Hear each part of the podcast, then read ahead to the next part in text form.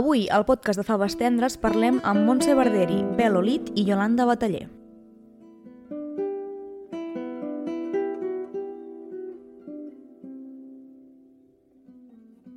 Benvinguts al podcast de Faves Tendres. Avui ens acompanyen tres escriptores, la Montse Barderi, la Bel Olit i la Yolanda Bataller, que han publicat cadascuna un assaig dins la col·lecció Som Revolució, de Destino, dirigida per Glòria Gasc.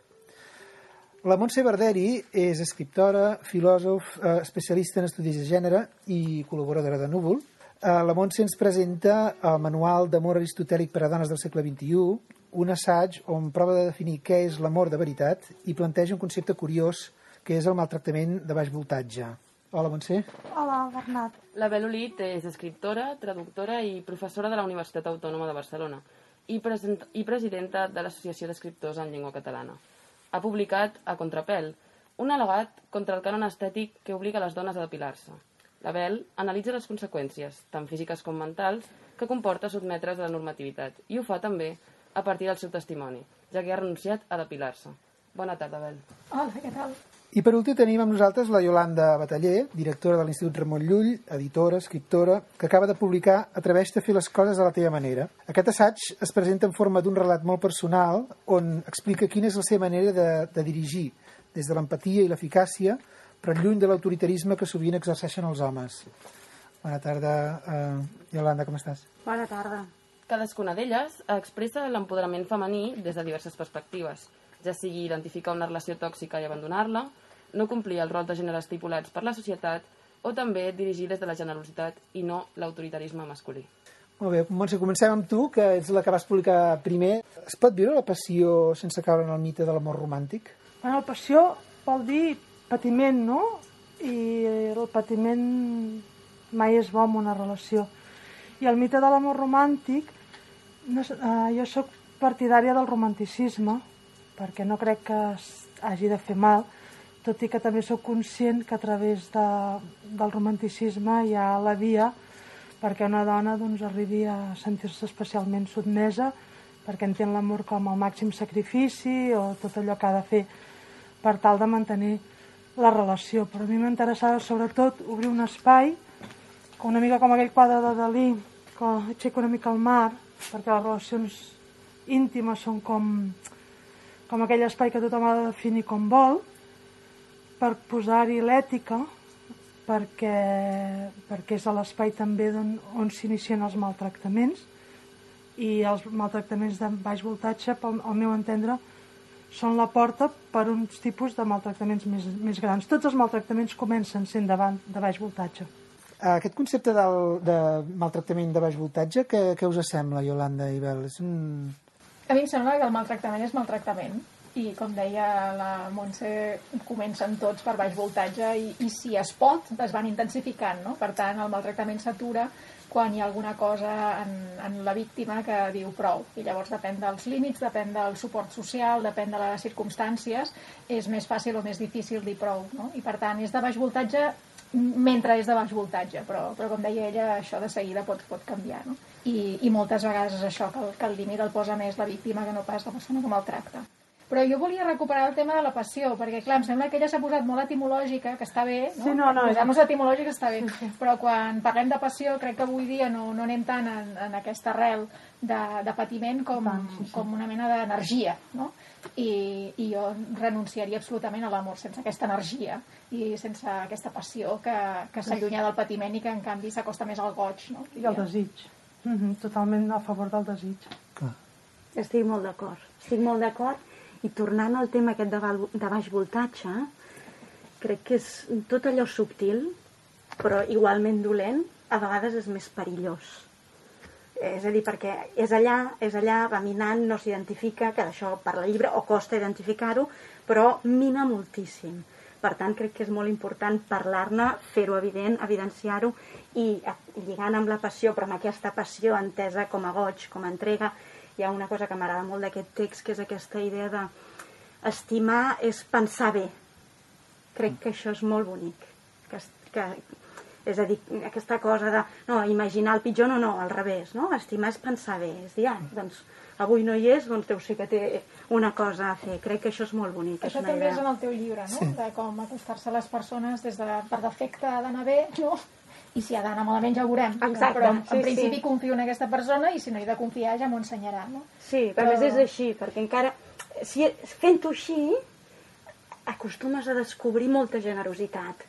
Uh, quan algú te l'ha de fotre, vull dir, la tu... igual. Exacte. I en canvi tu tens una, una situació que és francament desagradable, no? Sempre és millor uh, confiar, perquè generalment els fruits positius són, compensen de molt els negatius i, com diu la Bel, igualment te la fotrà, no?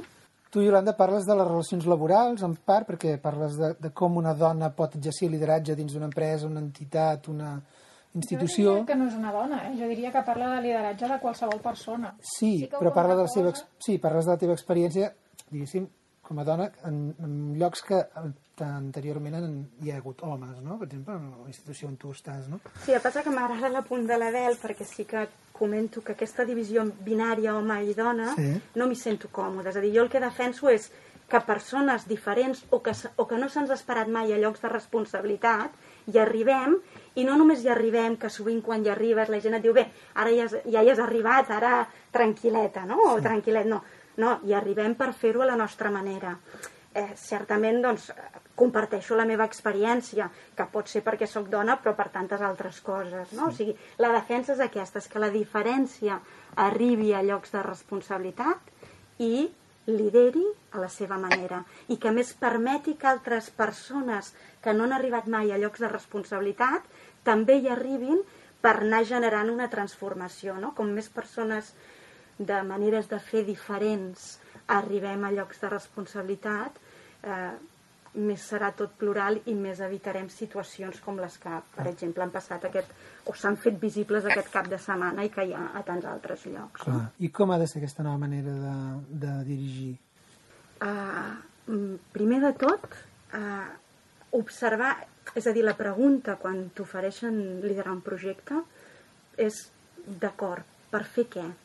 Per comunicar què? Per portar endavant el projecte de quina manera?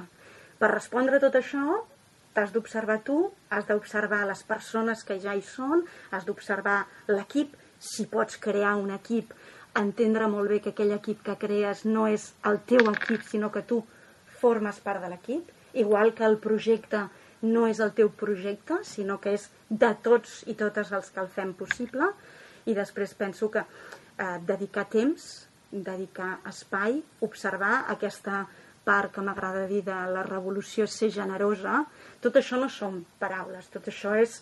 Després posa tu i fes-ho, i és molt difícil, no és gens fàcil.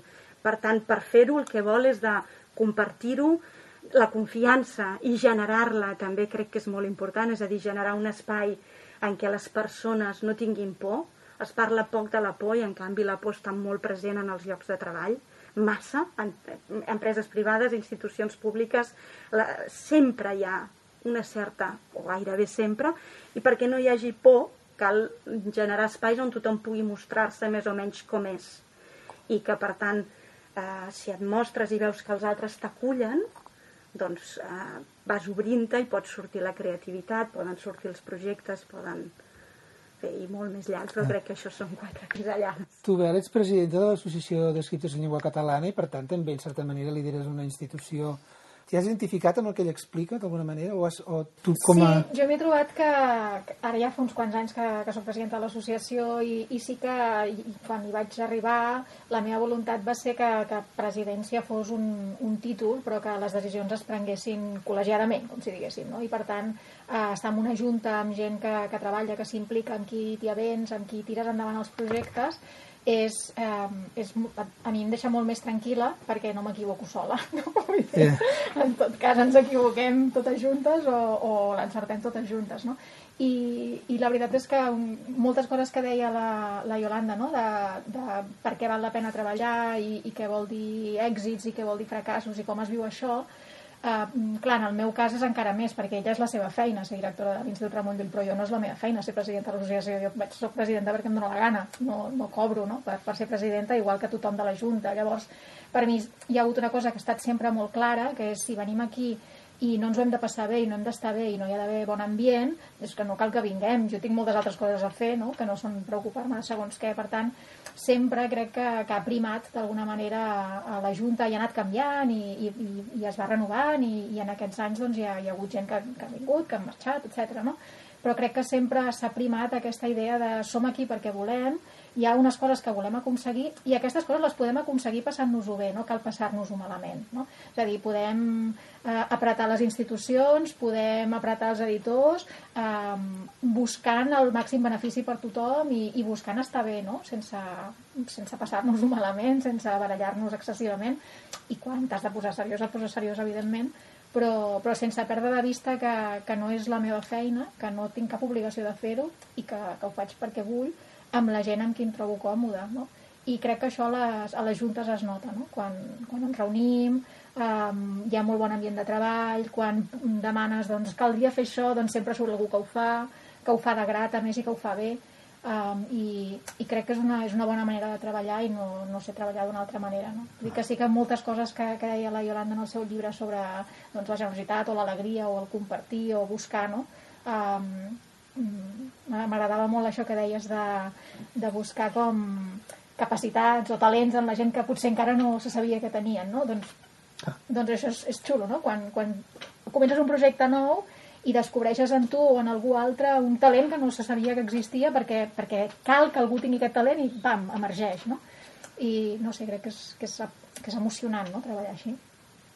Um, tots tres llibres parlen de diferents formes d'apoderament, no? de, bueno, de, de poder agafar les regnes de la pròpia vida i prendre una decisió que a vegades violenta el sistema, com és el cas de, de la decisió de no depilar-se, no? per exemple, o la decisió de no passar pel tub eh, d'unes convencions eh, amoroses, no? que, que, que tu, Montse, també descrius al teu assaig, eh, i en el teu cas de no reproduir uns esquemes que ja estan caducats, no? de, d'autoritarisme dintre de jerarquies, etc. No?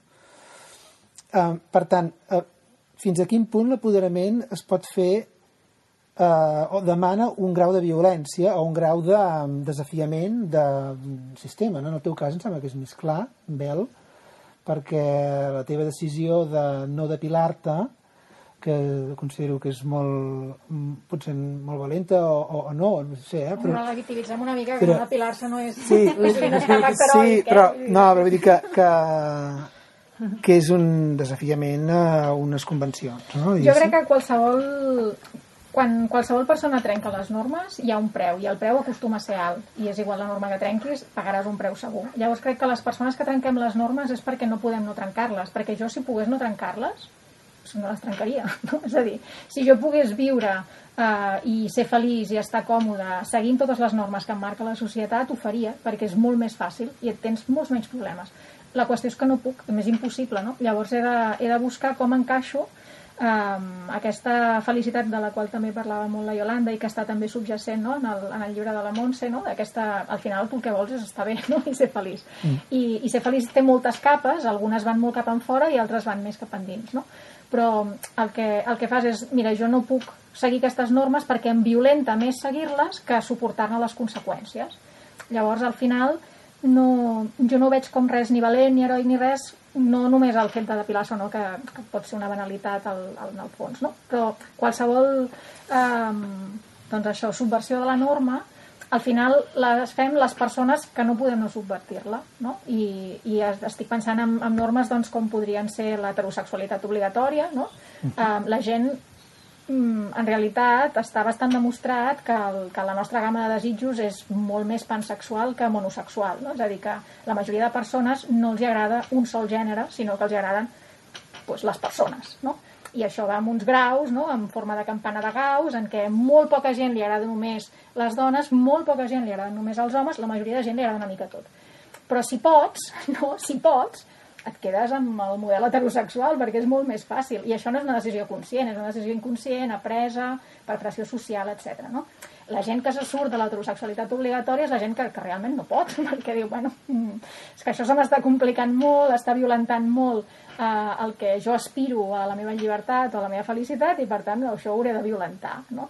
llavors amb, amb totes les normes fas una mica això i en el, en el llibre una de les coses que explico perquè em semblava que era la mínima honestedat que podia tenir, no?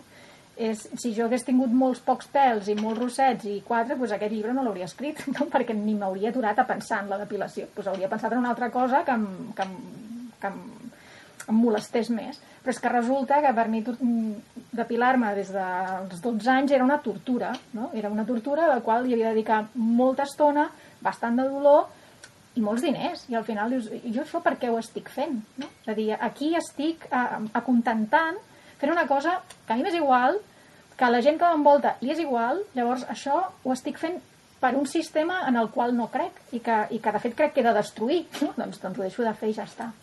I llavors deixar de fer-ho, que, és una, que al final és una decisió tan banal com una altra, et porta a pensar en el que no és banal, no? que és el sistema d'opressió.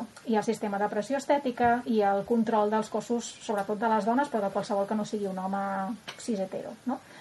I, I aquí és on ja no és banal el fet de depilar-se o no, perquè ja no estem parlant de depilar-se o no, ja no estem parlant de tenir o no tenir pèls, estem parlant de, doncs això, no? de sotmetre's a, a un sistema de control del teu cos o no sotmetre-t'hi.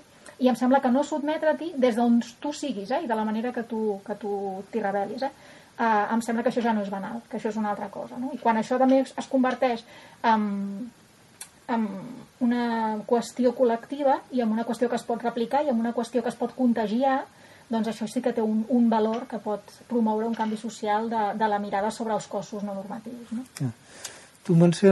No, si em permets un moment, uh, tota l'estona estàs dient això, que és un acte banal, el fet de no depilar-se, però al final té unes conseqüències perquè avui dia encara no està ben vist, però si a poc a poc cada més persona, o sigui, no està ben vist no depilar-se, però si a poc a poc cada vegada més persones trenquen aquesta norma, potser en un futur sí que canviarà aquesta percepció que tenim. Llavors, tu mateixa t'ho qüestiones en el llibre si és possible que en un futur hi hagi una feminitat que sigui peluda.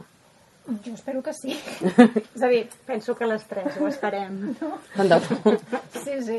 I, I no només una feminitat peluda, sinó que, que la idea de feminitat deixi de ser un, un calaix molt estricte. O sigui, a mi em sembla que els tres llibres no, el, que, el que estan buscant és sortir d'uns calaixos molt tancats, no? des de com es plantegen les relacions amoroses entre les persones, que ens donen unes normes que, que si les segueixes pot ser que, que acabis mm, bastant malament del cap, o sigui que no, no és fàcil eh, seguir les normes de com ha de ser eh, un enamorament, no? i això com se sosté, i d'aquí et pots enamorar i d'aquí no, només d'una persona, una persona que més ha de ser d'un altre gènere.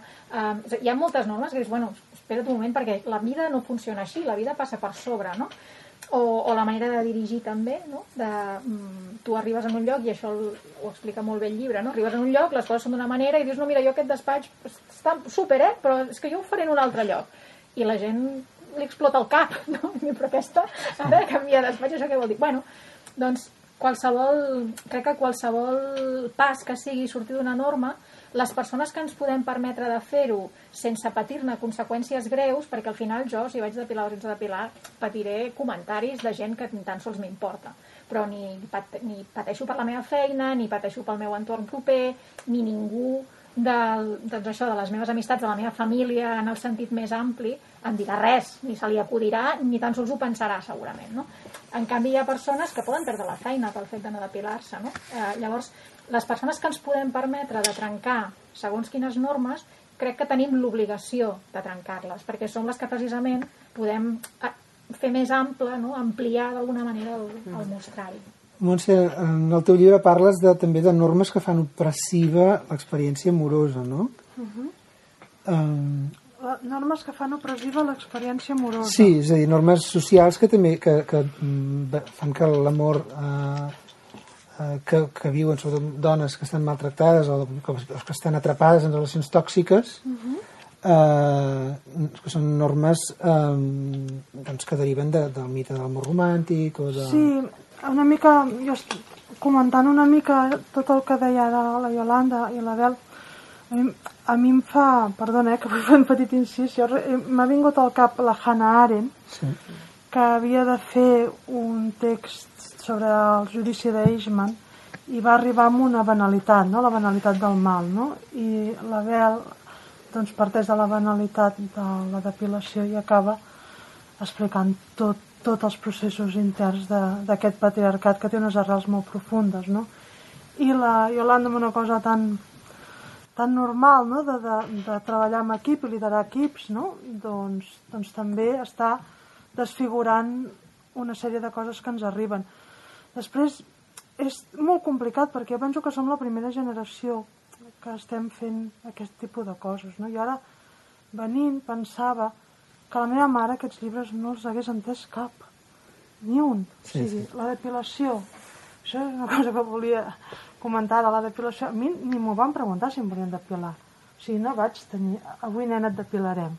Jo notava que el dia de la meva comunió hi havia com un rebombori allà, no? Perquè es veu que portava una mica de borrissol. I era com una mena de... amb el vestit de flors, però mira quin bigoti!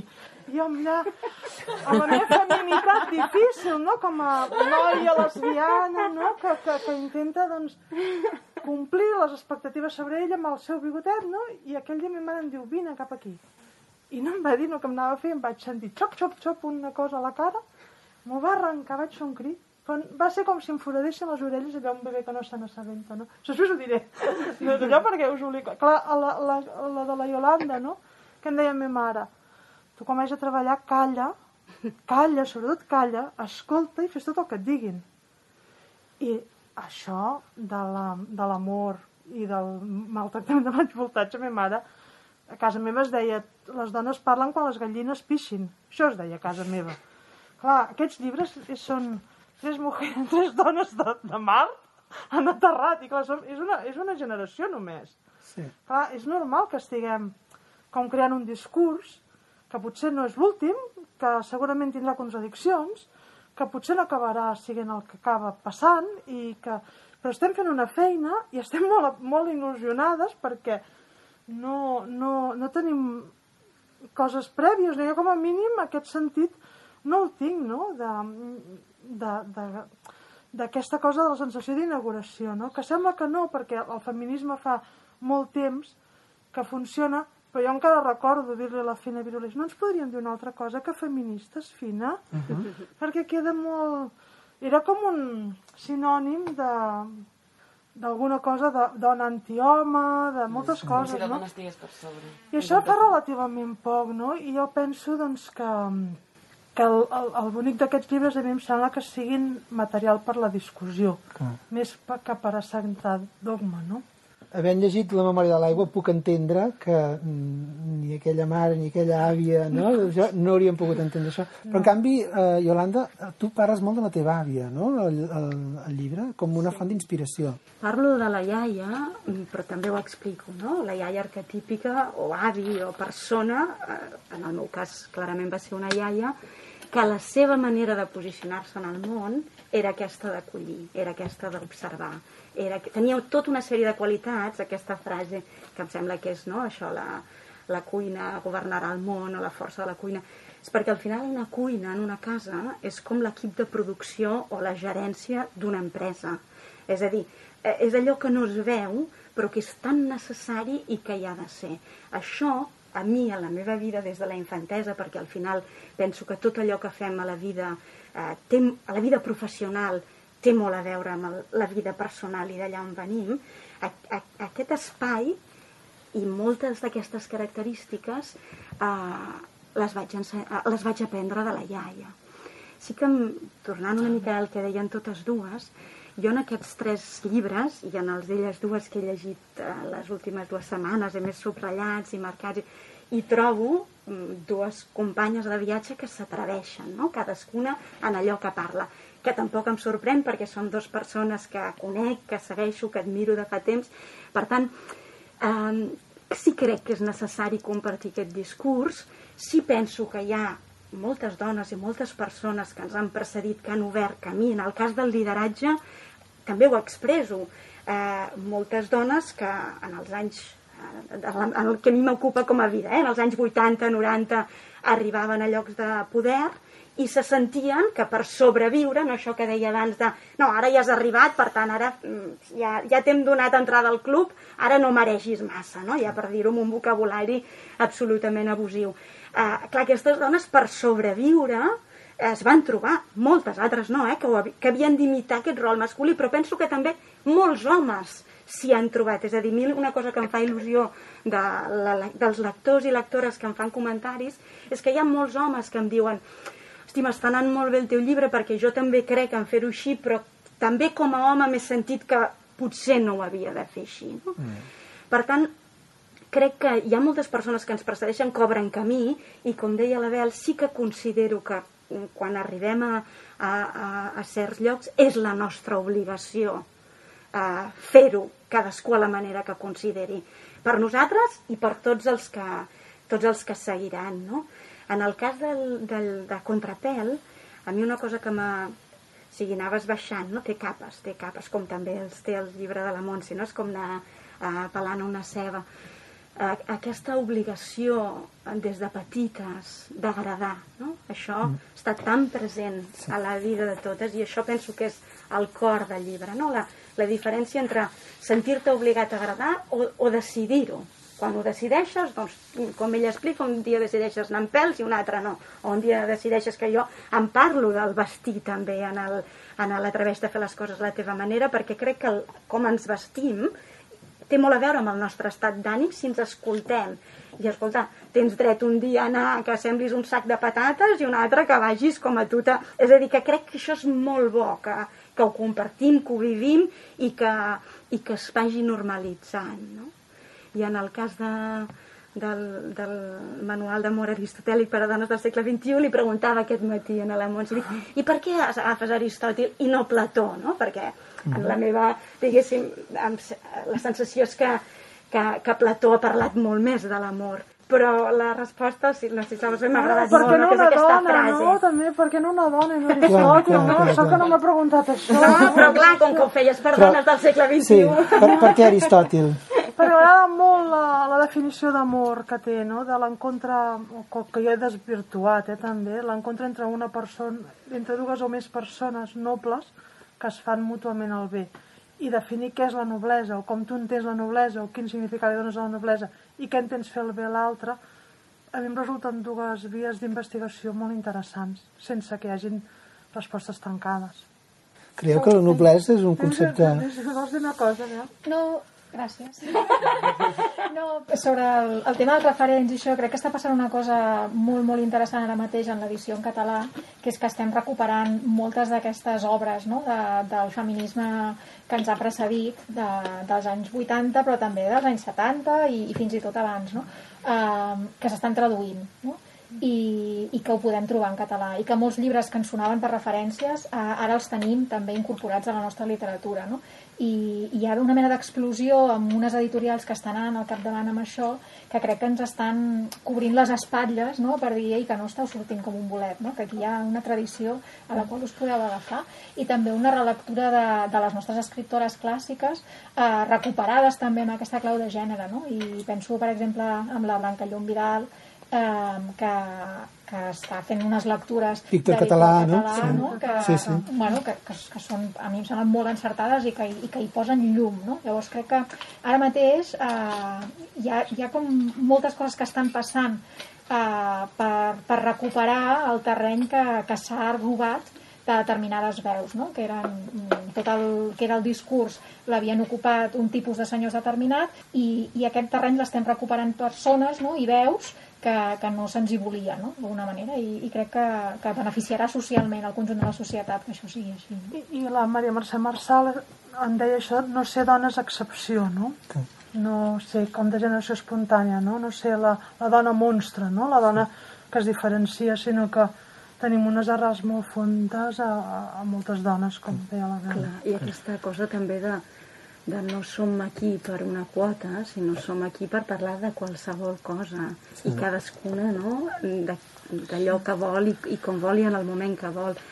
Crec que això que sembla molt senzill encara costa d'acceptar, no? En aquestes dates es, veu, es veu molt clar de dir, no, està molt bé parlar aquestes dates i parlar tot l'any sí. i parlar de tot, no? És a dir, que aquí cadascú, crec que això és molt... És molt maco això que, que dius. Molt important. I hi ha una, una cosa que vaig sentir en una entrevista la Maria Mercè Marçal, que deia, estic una mica cansada de la paraula rebel. I ella, ja, ten, ja sabeu que va morir l'any 98, eh? que estem parlant de 22 anys, diu perquè la rebel ha de tenir tota l'estona el mur davant, i ha de parlar tota l'estona del mur. Jo tinc ganes de parlar, de fer la meva, de fer la meva, de parlar de tot, no? Una mica Sí, mira, en la jo ara- línia que deia la Yolanda. Quan dius això de rebel, jo de que de jovenet era molt rebel, fins que em vaig adonar que la rebel·lia era una forma de submissió, també. Al final tu has de ser, no, no rebel, sinó ser, trobar el que és ser. No? Sí, bueno, o, o que puguem ser una estona no rebels, jo què sé, no? Sí, Que no, que no calgui, no? rebels Que una no calgui. estoneta de... No, però al final la rebel·lia és que estàs responent Sí, a una que agressió que t'han Sí, fet des de exacte. petit. Que no? és una resposta, per tant, és una una reacció, submissió. és una dir, reacció, clar. Deixa de reaccionar, troba el, el lloc. Molt difícil, eh? Fàcil com de dir. reaccionar si pots, eh? Perquè hi ha, Exacte, exacte, hi ha moments no? en els quals tens la submissió tan a sobre Total, que has de el mur, revelar. el mur Totalment, totalment. No pots negar el mur, no? Clar, diu, no parlis Segueixo de l'aigua! eh? Però crec que és bo també pensar que és, és ser, Sí, més sí, que sí, sí, ser és això. rebel, no? Exacte, és ser. Eh, o sigui, és això que tu explicaves, tu ets i, i sent vas fent el camí, no? Sí, sí. És No, és que que- hi ha, hi ha formes d'existència que, que, re, o sigui, que es consideren rebel·lió quan tu no estàs fent res. Exacte. O sigui, només pel fet de ser... De ser. de ara, determinat, exacte. Molt bé, sí. Ah, ja, Exacte. Ja ho fens, ho no? estàs desestructurant Exacte. tot. Sí, per estar peluda, no, ja no, si ho jo fens. soc, soc així, no? No, no, fins, mira, per, amb els pèls precisament, no? És a dir, Vale, la- per al simple fet de presentar-te en un lloc sense haver-te depilat, això ja es considera i dius, no, no, jo no estic fent res, de fet he deixat de fer una cosa. Exacte. Clar. I, que, perdona, i els pèls és important, però els cabells blancs vas deixada, o com és possible que t'hagis engreixat d'aquesta manera i no et cuidis més, també la gordofòbia també és O una... la idea de cuidar-se quan en realitat estan dient com és possible que no et torturis més. Exacte. És a dir, com és possible que no estiguis violentant el teu cos més per agradar-me a mi? I d'això en diuen cuidar-se, no? I després també la, la, la, la cosa de l'edat, no? De, T'has posat anys a sobre. Sí. Hosti, tu, per deixar-me el cabell del meu color, m'he posat anys a sobre, és la meva edat, és el cabell natural que tinc. O les sabates, eh? és a Hòstia, dir, a les mi, jo sabates. encara m'empipo de veure, jo què sé, una persona que està, una dona que és a la televisió parlant de qualsevol cosa Amb aquella- i que ha d'anar amb allò... Ja que sé de què parles, perdona, és a dir, la si, imatge. si vol, fantàstic, però si no vol, quina tortura, no? O sigui, les només que, que, que et passessin aquelles hores els homes allà pujats, parlant del que sigui, Sí, fa tot això. ostres, tu, Sí. no? I estàs invertint una energia que podries estar invertint en pensar en les teves coses. Vegades. La feminitat és, és, és un peatge... És un pes a pagar per gros. ser. Sí, sí, sí. Bueno, és allò que diuen que les dones necessiten dormir, dormir més perquè el que, el que és lluitar contra el patriarcat és esgotador. Tant de bo poguessin dormir més. Aquesta és l'altra, eh? Sobretot ara que tinc un bebè. Diu, per fer tot això vostè dorm? Eh, sí, sí, aquest és un altre gran tema. Fer-ho amb un bebè. Sí, sí, sí, sí, sí. Molt bé, moltes gràcies per, per eh, dedicar-nos aquesta estona. Eh, ha estat un plaer parlar de Manual d'Amor aristotèlic per a dones del segle XXI, parlar eh, de la Montse Barderi, parlar d'Atreveix-te a fer les coses a la teva manera de la Yolanda Bataller i a Contrapel de la Belolit, totes tres publicades a, a Destino i que tingueu un bon dia, moltes gràcies. Igualment. Moltes gràcies.